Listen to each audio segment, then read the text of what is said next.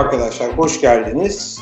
Ee, gelmekten başka çareniz yoktu. Herkes evde kapalı oturduğu için e, mecburen e, açıyorsunuz. Ne güzel. E, havalar güzel olsa ve kriz olmasa hepiniz gezerdiniz. İstanbul'da havalar nasıl?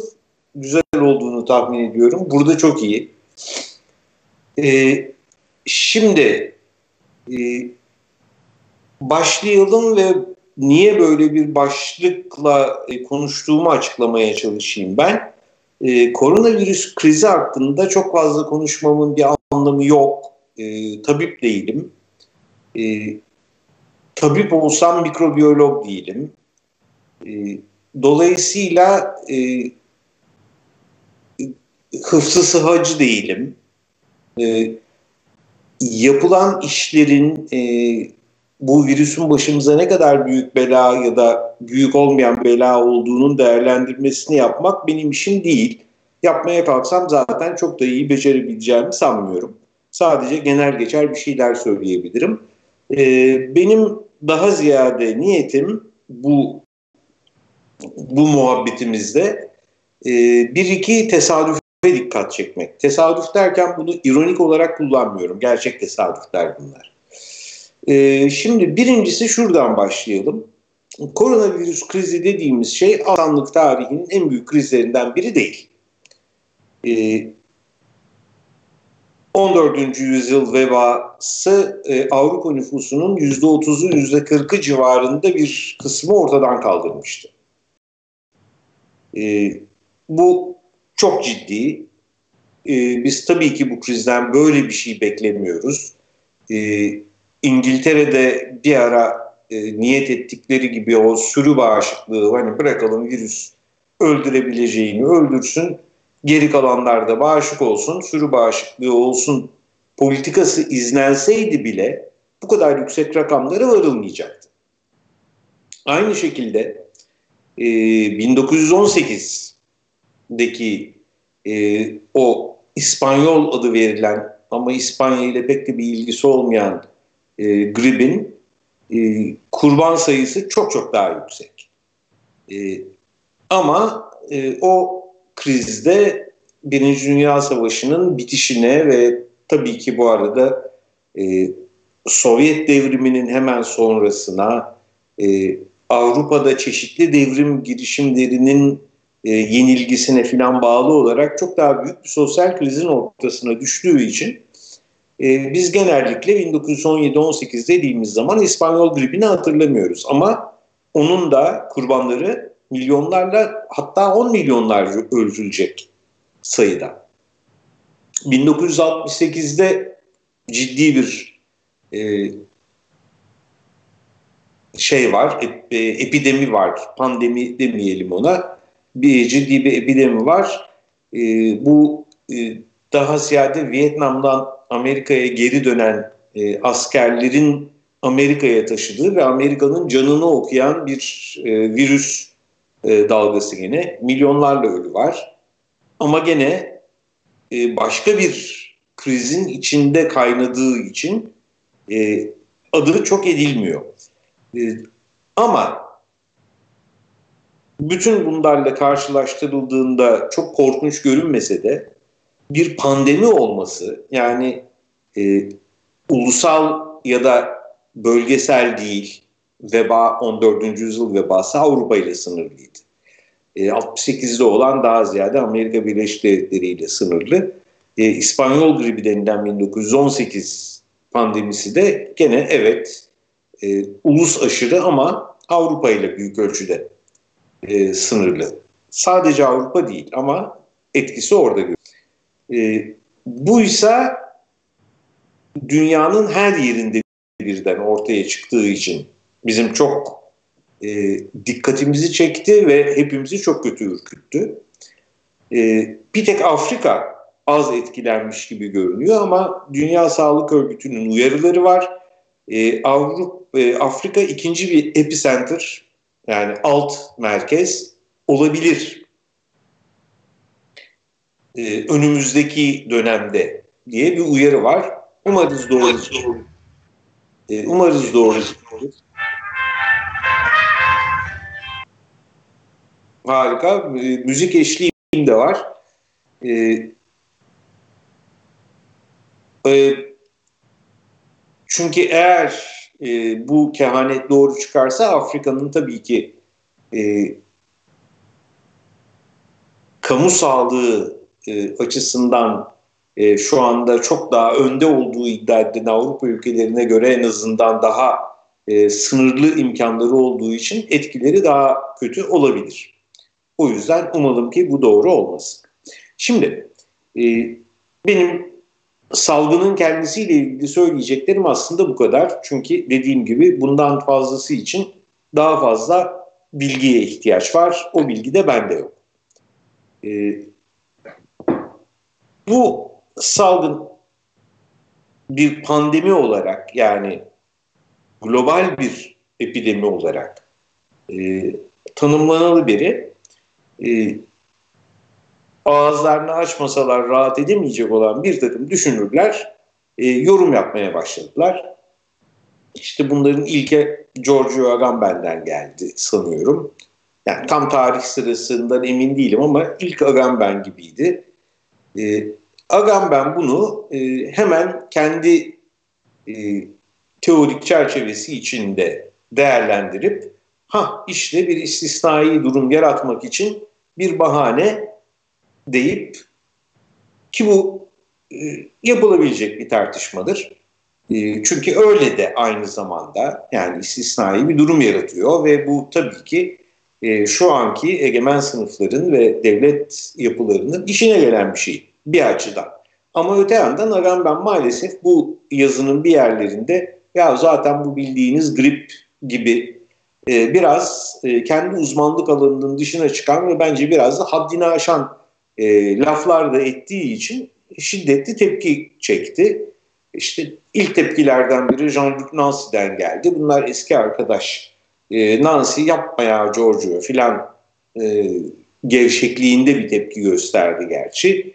E, onun da pek e, iler tutar yanı yok. E, yani dediğim gibi filozoflar biraz gafil avlandılar. E, Zizek bir tek e, her şeye hazırlıklı olduğu için maalesef e, hemen bu konuda dört söyleşi, on yazı filan yazdı.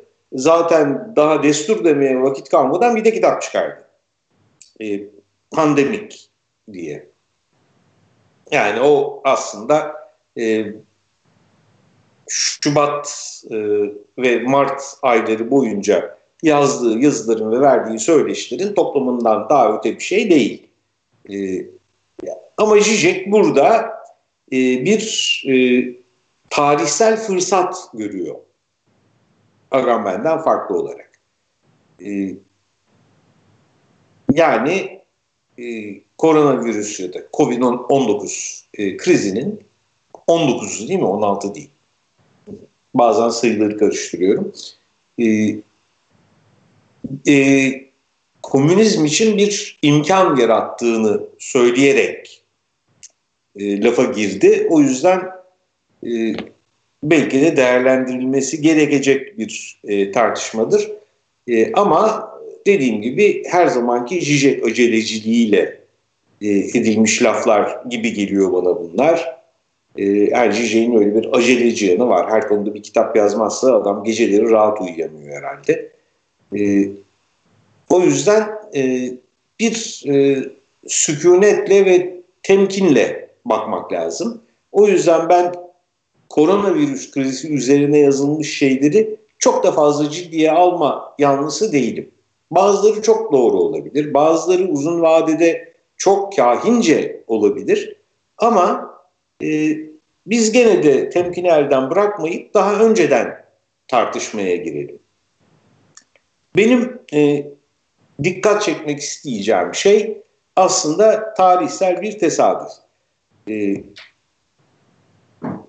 Emanuel Wallerstein 1992 yılında bir makale yazmıştı. E, The Collapse of Liberalism, liberalizmin çöküşü diye. Daha sonra bunu 1995'te e, liberalizmden sonra diye bir e, kitapla devam etti. 1999'da Bildiğimiz Dünyanın Sonu diye bir kitapla devam etti. 2003'te sanıyorum Amerikan Gücünün Çöküşü diye bir kitapla devam etti. 2005'te son olarak sosyal bilimlerin durumu hakkında bir şeyler yazdı. Ta 2013'e kadar geliyor. 2013'te bir derleme kitapta bir makalesi var. Kendi derlediği bir kitapta. O da kapitalizmin bir geleceği var mı? Şimdi bu ta 92'den 2013'e kadar 21 yıllık bir süreçte e, Wallerstein ısrarla bir şeyi söylüyor. O da tarihte veriyor. 2020 ortalama e, tarihinde diyor liberalizmin e, ta, yani ve kapitalizmin tarihinde gördüğü en ciddi kriz gelecek. Şimdi e, tabii ki e, vay koronavirüs krizini o günden görmüş diye bir iddiada bulunmak e, çok hayırlı olmaz hiç kimse için. E, zaten böyle bir e, doğal afet e, öngörüsü de yok o metinlerin hiçbirinde. O sadece kendi iktisadi çıkar, e, çıkarımlarını e, kapitalizmin tarihi içinde e, ki belli bulgularla bağdaştırarak e, aşağı yukarı e, var olan kapitalist dünya sisteminin, Wallerstein'in kendi terimini kullanalım, e, kapitalist dünya sisteminin 2020 civarında ciddi bir kriz ya da çöküşle karşılaşacağını söylüyor. E, şimdi 2020 yılında da koronavirüs kriziyle girdiğimiz için ve bu krizin şöyle ya da böyle var olan kapitalist e, toplum yapısını tehdit eden bir kriz olduğundan da hiçbirimizin şüphesi olmadığı için e, çok kahince bir şey olduğunu söylemek mümkün. E, nasıl kahince? Şimdi bunu tartışalım.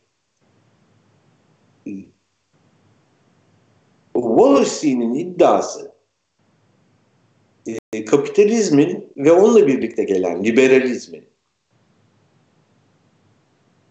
bir dünya sistemi olduğu ama bu e, son 30-40 yılda üzerine konuştuğumuz globalizasyon ya da globalizm e, tartışmasından tamamen ayrı olarak kapitalizmin zaten daha 16. yüzyılda, 17. yüzyılda ortaya çıktığı andan itibaren bir dünya e, dünya sistemi olduğunu söylüyor.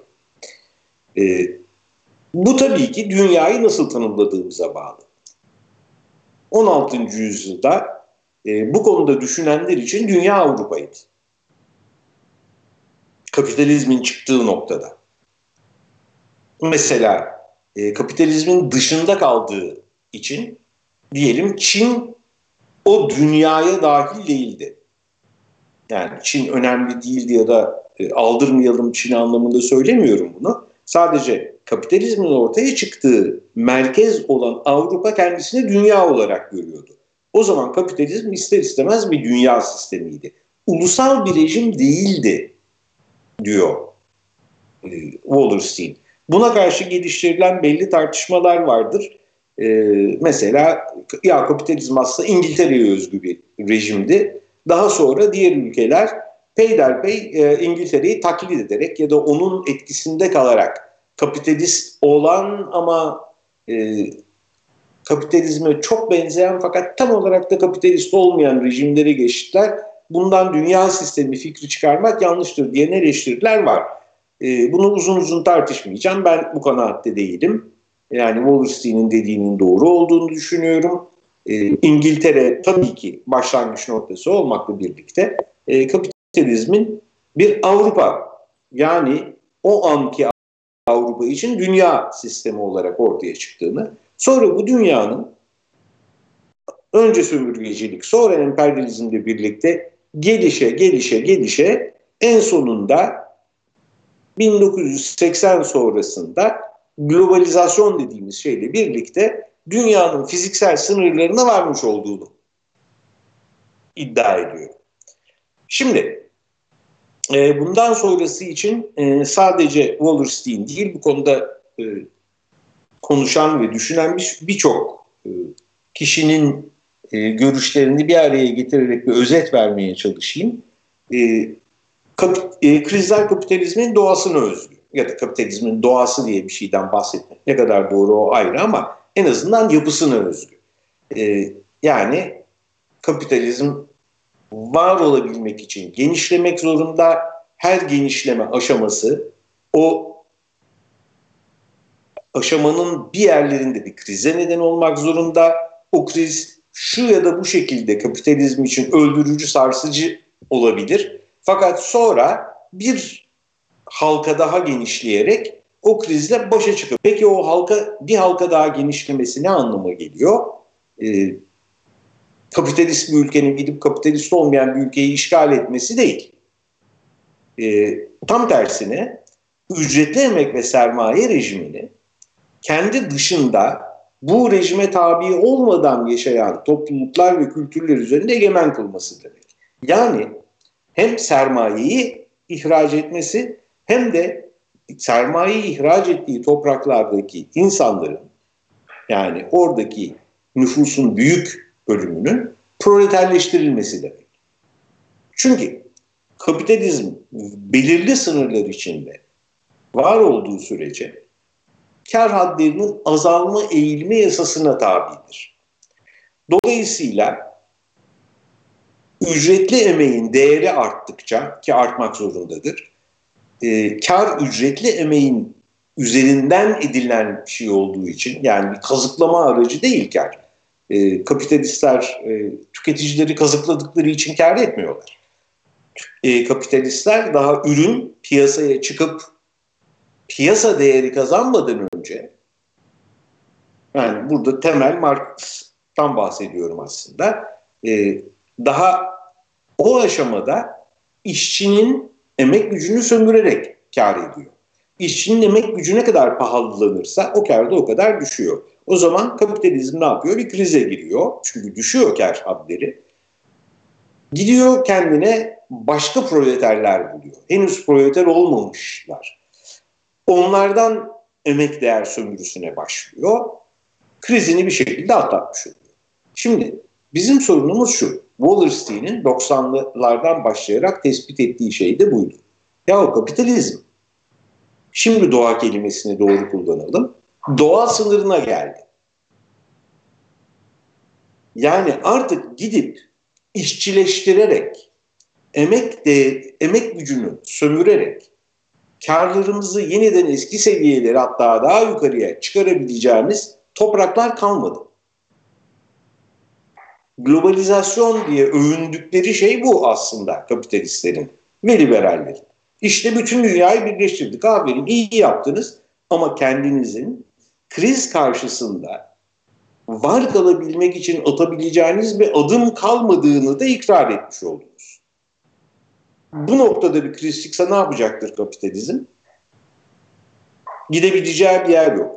Ee, gidip ayda ya da e, Mars'ta sömürgeler kurmasının da bir anlamı yok. Çünkü orada sömürebileceği işçi yok. Yani buradan götürecek o işçiyi. Tam tersine o işçiyi buradan oraya nakledeceği için diyelim ki böyle bir bilim kurgu hayalimiz var. Buradan oraya nakledeceği için daha baştan emek gücünün fiyatı çok yüksek. O işçiler oraya taşıyacak her şeyden önce. Gidip orada bulabileceği işçiler yok. Yani insanlık şu anda var olan dünyanın sınırlarının dışında kendine çalışabilecek ve henüz işçi olmamış, henüz ücretli emekçi olmamış birilerini bulamadığı sürece kapitalizmin bu aşamada girdiği krizin çıkışı aslında yok. Ha bu kriz kapitalizme ne hızda son verir? Bunu iktisatçılar değerlendirsin. İşte Wallerstein mesela Kondratiev dalgaları ile 2020 yılını buluyor bu krizin düğümlenme anı olarak. Ee, ben Kondratiev dalgalarını anlıyorum ama size anlatabilecek kadar iyi anlıyor değilim. İktisatçı değilim çünkü. Aşağı yukarı bir şeyler anlıyorum yani Wallerstein ya da Randel filan e, gibi iktisatçı Marksist düşünürler tarif ettiğinde ama sınırım bu kadar. E, 2020 yılı demek ki aşağı yukarı bu krizin üstü örtülemez hale getirileceği zaman diyor Wallerstein. Aynı zamanda bir şey daha diyor. E, bu aynı zamanda liberalizmin de sonu diyor. ve liberalizmi bizim tanımladığımızdan farklı tanımlıyor. Biz liberalizmi e, gevşek bir ideoloji olarak tanımlıyoruz. Başka birçok ideal e, ideolojiyle karşı karşıya koyuyoruz. Faşizmle, oto, e, otoriteryenizmle, e, totaliteryenizmle vesaire vesaire bunlarla karşı karşıya yerleştiriyoruz. E, sosyalizmle ve komünizmle ve marksizmle hepsiyle tabii. E, Wallerstein öyle yapmıyor. Diyor ki liberalizm aslında kapitalizmin ortaya çıktığı andan itibaren kapitalist dünya sisteminin esas ideolojisidir. Sağıyla, soluyla, merkeziyle. O yüzden mesela gericilik dediğimiz şey, muhafazakarlık dediğimiz şey, e, bizim liber, dar anlamda liberalizm dediğimiz şey ve sosyalizm, sosyal demokrasi filan dediğimiz şey bunlar aslında hepsi kocaman bir liberal ideolojinin çeşitli kanatlarıdır. Ve bu ideoloji tam da feodal ya da prekapitalist e, ideolojilerin alternatifi olarak gelmiştir. Bunun içinden belli kesimler bu liberalizmin devrimci ya da dönüştürücü yanını daha öteye götürmek istediklerinde onlara ilerici, progresif, e, işte sosyalist filan denmiştir. Aman bir dakika çok gidiyor deyip fren yapalım diyenlere gerici dedik. Ya iyi böyle pazar ekonomisi filan falan devam edelim diyenlere de genel olarak liberal diyoruz. Ama aslında kapitalizm sürecinde var olan ideolojilerin hemen hepsi liberal spektrumda yer alıyorlar. İşte diyor Wallerstein 1968 şu dünyadaki en önemli devrim olmasa bile tam da bunun sonunu getirdi. Yani liberalizmin ötesinde bir ideolojik arayışı getirdi. Aynı zamanda da e, onun tabiriyle e, geleneksel antisistemik ideolojilerin de sonunu getirdi. Bundan da sosyalizmi, sosyal demokrasiyi vesaireyi vesaireyi kastediyor. Yani artık sos, o güne kadar sosyalizm denilen şey 1968'de ya böyle yaşamak istemiyoruz diyen insanları tatmin etmiyor. Şimdi biz şöyle ya da böyle bunun etkilerini görüyoruz hala. O yüzden e, 1968 sonrasında bizim gördüğümüz ve e, karşımıza çıkan ciddi isyankar hareketler e, var olan e, eski sosyalist ya da sosyal demokrat, e, sol liberal nasıl kullanmak isterseniz ideolojilerle çok da ortak özellikler taşımıyorlar. E, Wallerstein bunu özellikle 1990'ın başında 90'ların başından beri söylüyordu. Çünkü diyor Wallerstein aslında liberalizm modernizmin ideolojisidir. Fakat modernizm bir zaman tek bir modernizm değildir. Modernizm kendi içinde. Ki bu bizi ilgilendiriyor çünkü modernizm bir düşünce sistemi olduğu gibi modernizasyon adını alarak e, bizim gibi kendiliğin Türkiye gibi ve bütün Asya ve Afrika gibi ve Güney Amerika gibi e, kendi dinamikleriyle kapitalistleşmemiş. Tam tersine kapitalist merkezin yani önce Avrupa'nın sonra Avrupa Amerika Birleşik Devletleri'nin e, dayatması ve zorlamasıyla kapitalist olmuş e, kültürlerin ve toplumların e, geçtiği sürecin adıdır modernizasyon. Daha doğrusu o sürecin, kapitalistleşme sürecinin şık adıdır. Kapitalistleşme dememek için modernizasyon denmiştir.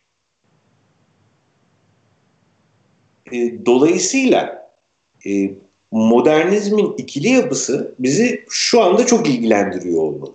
Çünkü diyor ki Wallerstein, iki tür modernizasyon var ya da modernizm var. Bunların bir tanesi özgürleşmeci modernizasyon. Bu burjuvazinin bir sınıf olarak aristokrasinin ve özellikle dini e, hiyerarşinin karşısına çıkıp özgürlükler talep ederek Fransız devrimine kadar giden süreci başlatmalarındaki sahiplerden biriydi. O yüzden Marx Manifesto'da burjuvaziye devrimci bir sınıf der. Sadece devrimciliği bir yere kadardır. Bir de diyor teknolojik modern, modernite, modernizm. O da üretici güçlerde özellikle e, feodal yerelcilik ve dini baskılardan bir kere kurtulduktan sonra üretici güçlerdeki o çeşitli devasa teknolojik atılımlar. Şimdi bu ikisi yan yana gitmekle beraber birinin öteki ile zorunlu bağlantısı yok. Nitekim 19, 19. E, yüzyılın sonundan başlayıp 20. yüzyıla yayılan bir sürü distopya yani 1984 işte Huxley'in Cesur Yeni Dünyası, Zamyeti'nin Bizi gibi ta Wells'in e, zaman makinesinden başlayarak anlatılan hikayelerin hepsi teknolojinin çok hızlı geliştiği ama bunun tam da tersine bir e, modernite, özgürleşmeci moderniteye değil tam tersine bir tür köleleşmeye hizmet ettiği toplumlar tasvir edilir. Şimdi bu kadar çok distopyacının mutlaka bir bildiği var. Yani bir şeyi görüyorlar da yazıyorlar. E, bu bir eğilim olarak hep var zaten. Wallerstein diyor ki bizim önümüzde iki yol var artık diyor. E, o 2020'de tepeye vuracağını iddia ettiği kriz e, kapitalizmin yapısını çatırdatmaya başladığında bu otomatik olarak kapitalizm sonrası özgür bir dünyaya getirmeyecek bize. Yani böyle bir hayalle kendimizi hiç eylemeyelim. Böyle bir ihtimal yok. E, tam tersine yollar çatallanacak. Ha şimdi biz bunu Wallerstein söylemeden bilmiyor muyduk? Biliyorduk. Marx da bunu söylemişti. Rosa Luxemburg da söylemişti. Çok kaba ifadesiyle ya sosyalizm ya barbarlık içinde yok oluş demişti. İkisi de. Değişik zamanlarda kelimeleri değişik anlamlara yıkarak ama aynı şeyi kastederek. Wallerstein de kabaca bunu söylüyor. Ama barbarlık içinde yok oluş mudur yoksa bir tür varoluş mudur ama barbarlık gene de. O Wallerstein'de tartışmalı. Yani şöyle, e, liberalizm geri gelmemek üzere çöküyor. Eğer kapitalizm var kalacak ise artık bunu liberal söylemin içinde, liberal ideolojinin içinde kalarak yapması mümkün değil. Dolayısıyla liberalizmden geriye bir adım atarak kapitalist gelişimin aynı zamanda yeni işçi sınıfının haklarını ve gücünü arttırarak yürümesinin önüne bir engel konulabilir. Bunun da modeli Asya'da var. Nasıl bir model bu? Oryantal despotizm ya da şark despotizmi denilen her şeyin merkezi bir devlet ve merkezi bir bürokrasinin altında toplandığı ve kabaca hiç köle olmamasına rağmen bütün çalışanların, bütün emekçilerin, bütün emekçi sınıfların aslında o merkezi bürokrasinin en tepesinde var olan bir e, gücünü göklerden alan bir lidere tabi olması, onun kulları olması durumu. Çin böyle bir kültür olarak gelmişti. Hindistan böyle bir kültür olarak gelmişti. Mısır böyle bir kültür olarak gelmişti. Nil uygarlıkları üzerinden. E, Mezopotamya küçük küçük ama tam da böyle yapılar. Yani Asur, Babil, Sümer hep böyle yapılardan. Yani tepede çok güçlü bir bürokrasi ve bir tane tanrısal lider var. Altında herkes yapılarından gelmişti. Bunun bir tür hortlamasını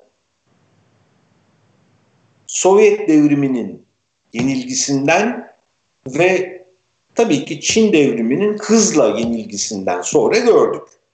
Yani bir tane birer tane e, neredeyse dünyevi bile sayılmayan liderin altında çok güçlü bir bürokrasi yapısı ve o bürokrasi yapısının altında çalışan sınıflar.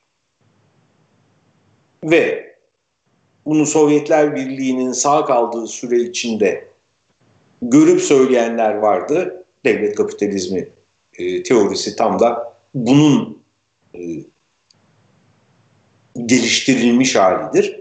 Ama e, 1990'dan beri yani son 30 yıldır Sovyetler Birliği diye bir yer olmadığı ve tam da eski tip bir kapitalizme çok vahşi bir şekilde dönüş yapmış olduğu için Rusya orada gözleyemiyoruz. Fakat Çin şu anda hala iktidarda olan Çin Komünist Partisi onun başında kendisini ömür boyu lider ilan eden bir Xi e, ve onun altında son derece güçlü bir bürokrasi ile milyar, bir buçuk milyarlık bir çalışan sınıflar, emekçi sınıflar kalabalığı.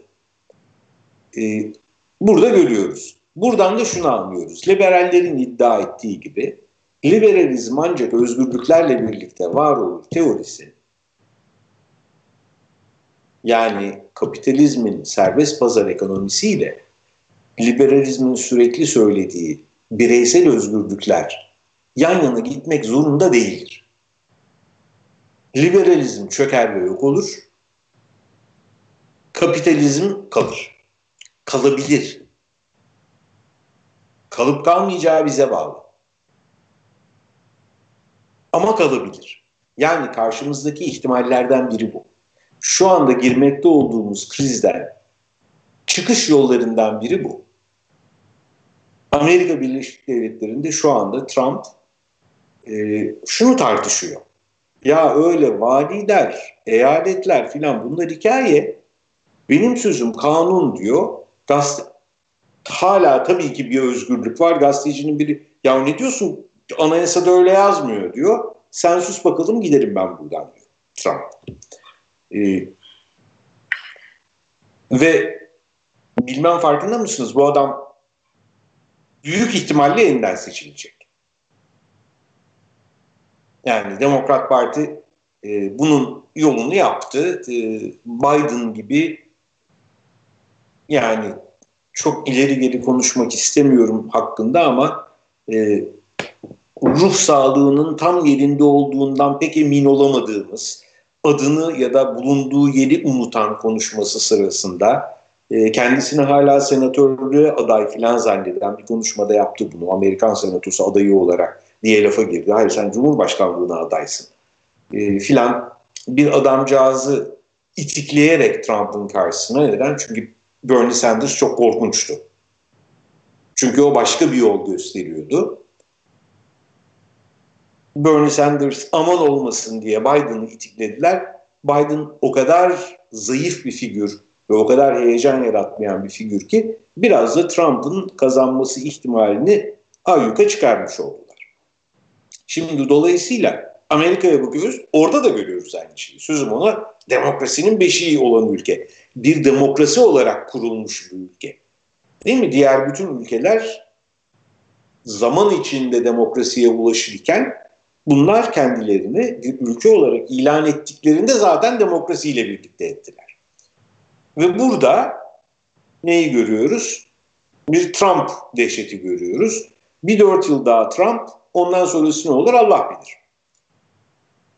Ama dediğim gibi bir dört yıl daha Trump'tan sonra işte ille de daha kötüye gidecek ki. Çünkü bu dört yılda mesela e, özellikle Sanders'ın hareketi içinde e, mobilize olmuş bayağı kalabalık bir kitle var ve bunlar birazcık da Amerika'daki bu var olan seçim rejiminin ümidi kesmeye başlamışlar.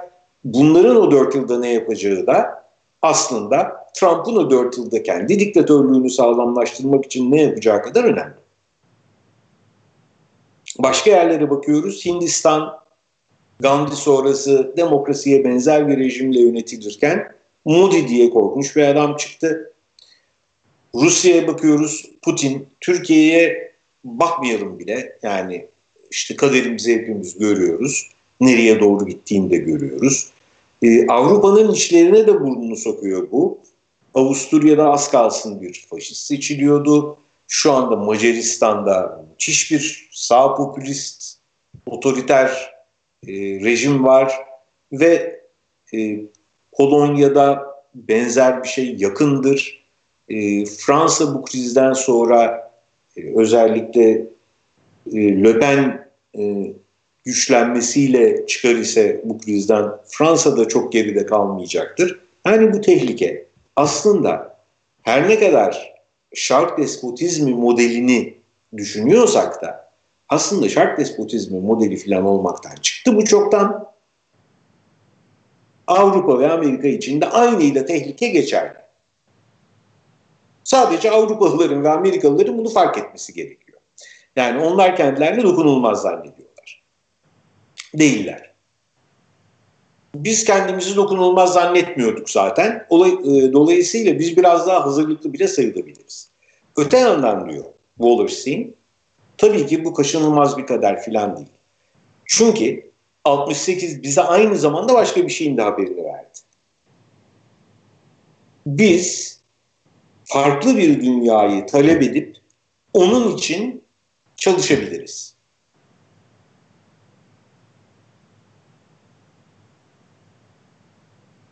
Ne yapabiliriz? Dediğimiz anda koronavirüs krizi çıkıyor karşımıza. Koronavirüs krizi neoliberalizmin krizini büyük ölçüde hızlandırdı mı hızlandırmadı mı bunu ancak önümüzdeki yıl görebiliriz. Ama hızlandırmadıysa bile çok görünür kıldı. Her şeyi ortaya döktü. Amerika Birleşik Devletleri'nin şu anda içinde olduğu korkunç durum, şu anda dünyada en gelişmiş, en zengin ülke, of ne sağlık sistemi filan derken dünyadaki vakaların üçte biri Amerika'da dünyadaki ölümlerin dörtte birine yakını Amerika'da. Amerikan sağlık sistemi çalışmıyor. Bu da aslında sadece liberalizmin değil, neoliberalizmin de büyük bir krizi olduğunu gösteriyor bize. Neoliberalizm neydi? Çok uzun uzun anlatmayacağım. Ee, geçenlerde Ferda keskin bir konuşma yapıp orada galiba epey bir e, bu konuya girip çıkmış. E, Ferda bu konuda benden daha e, bilgilidir. E, dolayısıyla e, önemli noktalara değinmiş olacağını tahmin ediyorum. Ama neoliberalizm dediğimiz çok kabaca liberalizmin e, 20. yüzyılın başında özellikle Dünya Savaşı'ndan sonra kapitalizmin girdiği krizden bir tür e, welfare state dediğimiz e, Türkçesini bulamadığım için İngilizceye kaçtım kusura bakmayın.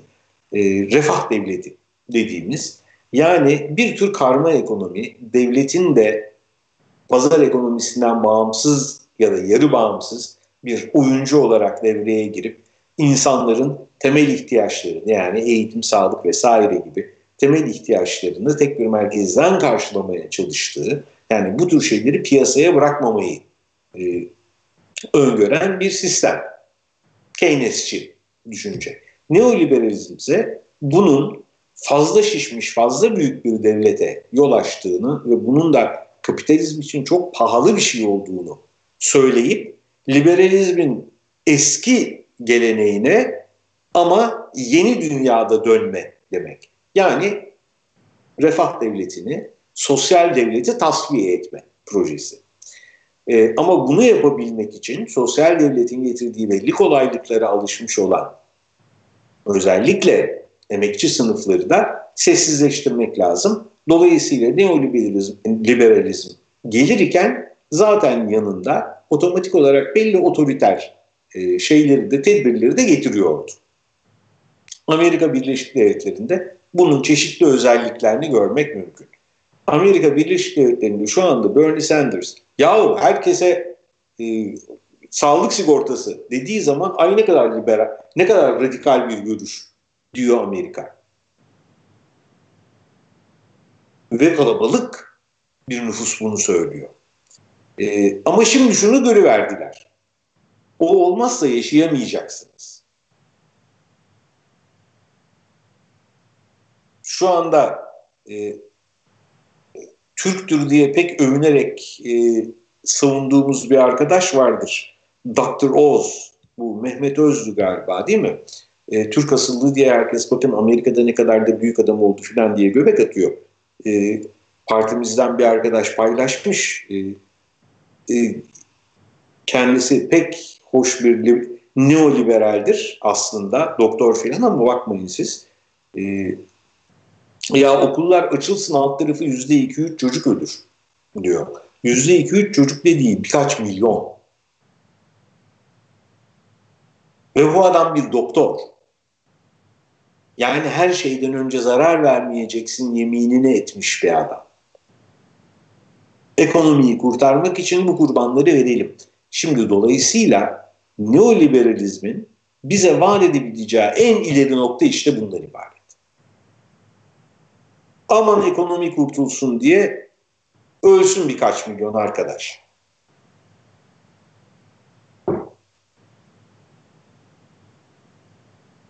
Neoliberalizm ciddi bir krizde. Ama neoliberalizm değil sadece krizde olan, liberalizm çok ciddi bir krizde ve tabii ki kapitalizm çok ciddi bir krizde. Sorun şu, bu krizden tek çıkar yok. Çıkacak tek yolumuz yok. O yüzden Şimdi en baştaki yere dönerek bitireyim. Agamben, Nancy, Zizek, e, e, Badiou da bir şeyler yazdı sanıyorum. E, Chomsky de bir şeyler söyledi sanıyorum. Yani böyle e, e yaşlı kuşağın, Zizek en gençtir galiba bunların, e, yaşlı kuşağın önde gelen e, Marksist ya da Marksistimsi düşünürleri e, bu konuda fikir beyan ettiler ve çok çelişik şeyler söylediler. Sorun şu, hepsi haklı, hepsi haksız. E, bu krizden e, işte bir e, istisna rejim yoluyla diktatörlükler güçlenmiş olarak çıkar diyen adam ben yanılıyor ama doğru da söylüyor. Evet böyle bir ihtimal var. E, sorun şu, bu arkadaşlar e, devrimin gerçek bir seçenek olmadığı bir dünyada yaşamaya o kadar alışmışlar ki ki bu neredeyse 1968'den sonraki bütün hayatımız demek. Yani 50 yıl. O kadar alışmışlar ki böyle bir dünyada yaşamaya. E, ellerinde hangi araç varsa sorunu o aracın çözümü olarak çözebileceği şey olarak görüyorlar. Tek aracınız çekiçse bütün sorunları çivi olarak görürsünüz. ben maalesef elinde temel aracı bu işte Schmidt'e göndermeyle e, ürettiği istisna hali teorisi olduğu için ki çok önemli bir teori ve çok doğru bir yanı var. Hiç Agamben'in genel teorik çerçevesinde bir laf ediyor değilim. Ama elindeki tek aleti olursa işte böyle bir kriz çıktığında onu otomatik olarak ha işte istisna hali, hali yaratmak için bir fırsat diye okuyacaktır. Badiou birçok olumlu, anlamlı teorik e, saptamasının, felsefi değerlendirmesinin yanı sıra e, ruhen Mao'cu bir arkadaştır. Ve bundan e, olumlu bir çıkış bekliyor. Mao'cu tipte popülist bir e, komünizm çıkışı bekliyor bundan. Zizek de ona yakın bir şey bekliyor. Yani doğruları halk bilir aman tavrıyla e, özellikle kültür devrimi dönemi Mao'culuğuna benzer bir şey bekliyor. Ki onun aslında e, nasıl sonuçlar verdiğini bugüne kadar büyük ölçüde gördük. Yani kapitalizmi aslında e, başka bir adı altında yeniden nasıl ürettiğini de görmüş, görmüş bulunuyoruz. Ama yanılıyorlar mı? Hayır çünkü böyle bir eğilim var. Sadece Bizim bugün yapmamız gereken şey bu arkadaşların herhangi birini alıp onu azarlayıp ya yanılıyorsun deyip Ayrıca haddimiz de değil. Yani benim haddim değil. En azından bunu söyleyebilirim. Yani bu saydığım isimlerin herhangi birini alıp karşıma e, zaten sen e, doğru dürüst düşünemiyorsun vır vır vır filan demeyi hayal bile etmem. Etmek istemem. E, ama e, bunların birazcık e, fili tarif etmeye çalışan e, kör düşünürler gibi olduklarını görelim diyor. Herkes kavrayabildiği yeri tarif ediyor bize. Bizimse daha temkinli, daha soğukkanlı olmaya ihtiyacımız var. Bu arkadaşları dinleyelim, istifade edelim ama bir adım geriye atıp filin tamamını görmeye çalışalım. Yani kulağını tutan yaprak, e, hortumunu tutan yılan, e, bacağına sarılan e, ağaç gövdesi zannediyor olabilir. Ama biraz geri çekilip uzaktan bakmayı denersek ya diyeceğiz fil. Karşımızda ciddi bir kriz var. Bu koronavirüs sal, e, pandemisi olmasa da vardı. Ama bu pandemi muhtemelen bu krizi hızlandırdı. Ne kadar hızlandırdı ancak bir kriz. Ama en azından var olanı da görünür kıldı. Yani neoliberalizmin artık işlemediğini bize gösterdi. O kadar net gösterdi ki neoliberal politikaları savunmaya kalkanlar müthiş bir ahlak düşüklüğü içinde karşımızda çırılçıplak duruyorlar. Aman canım açalım okulları birkaç milyon çocuk ölsün demek zorunda kalıyorlar. 10 sene önce böyle diyemiyor, demiyorlardı. Zorunda değillerdi. Şimdi öyleler. Dolayısıyla neoliberalizmi bitiriyor bu. Kapitalizm zaten çok derin bir krizde. Bundan çeşitli çıkış yolları var. Hangi yoldan çıkılacağı önceden belirlenmiş değil ve büyük ölçüde nereye doğru çıkılacağı bizim aslında dün başlayan bir süreçte bu dağılma, parçalanma, sallanma sürecinde ne yapacağımıza birebir bağlı. Biz derken kimi kastettiğimi söyleyerek sözü tamamlayayım. Sadece komünistleri kastetmiyorum. Ee, sadece e, Marksistleri kastetmiyorum. Sadece anarşistleri kastetmiyorum. Sadece e, radikal feministleri, kadın özgürlüğü hareketini kastetmiyorum. Sadece radikal LGBT artıyı kastetmiyorum. E, ya da Amerika'da olsaydım derdim ki sadece radikal Afrika Amerika Afrikalı Amerikalı e, Latina Amerikalı ve yer, e, yerel Amerikalı haklarını savunanları kastetmiyorum derdim orada. Bizde tabii ki bu Türkiye için farklı olacaktır. Kürtlerin özgürlüğünü savunanları sadece onları kastetmiyorum. Bunların birbiriyle konuşabildiği ölçüde ve şu tespitte anlaşabildiği ölçüde şanslarımız var. Kapitalizm çok derin bir krizdedir. Bu krizden çıkışın yolu liberalizme geri dönüş değildir. Çünkü kırılan bardağı yapıştırsanız da artık o eski bardak olmaz. Termodinamiğin ikinci yasası. O geri dönüşler yok. Liberal düşünceye geri dönemeyiz. Neoliberalizm zaten patladı. Kapitalizmin o serbest piyasa her şeyi çözer inancı artık geçerli değil. Ama buradan berbat bir distopyaya da gidebiliriz. Buradan daha henüz tam olarak tanımlayamadığımız daha özgür bir kapitalizm sonrası dünyaya da gidebiliriz. Bunun için o özgürlük dünyasını isteyenlerin, talep edenlerin farklı ideolojik zeminlerden de geliyor olsalar bir araya gelip birbirlerinden etkilenip ve etkileşip yeni bir düşünceye olanak hazırlamaları gerekiyor.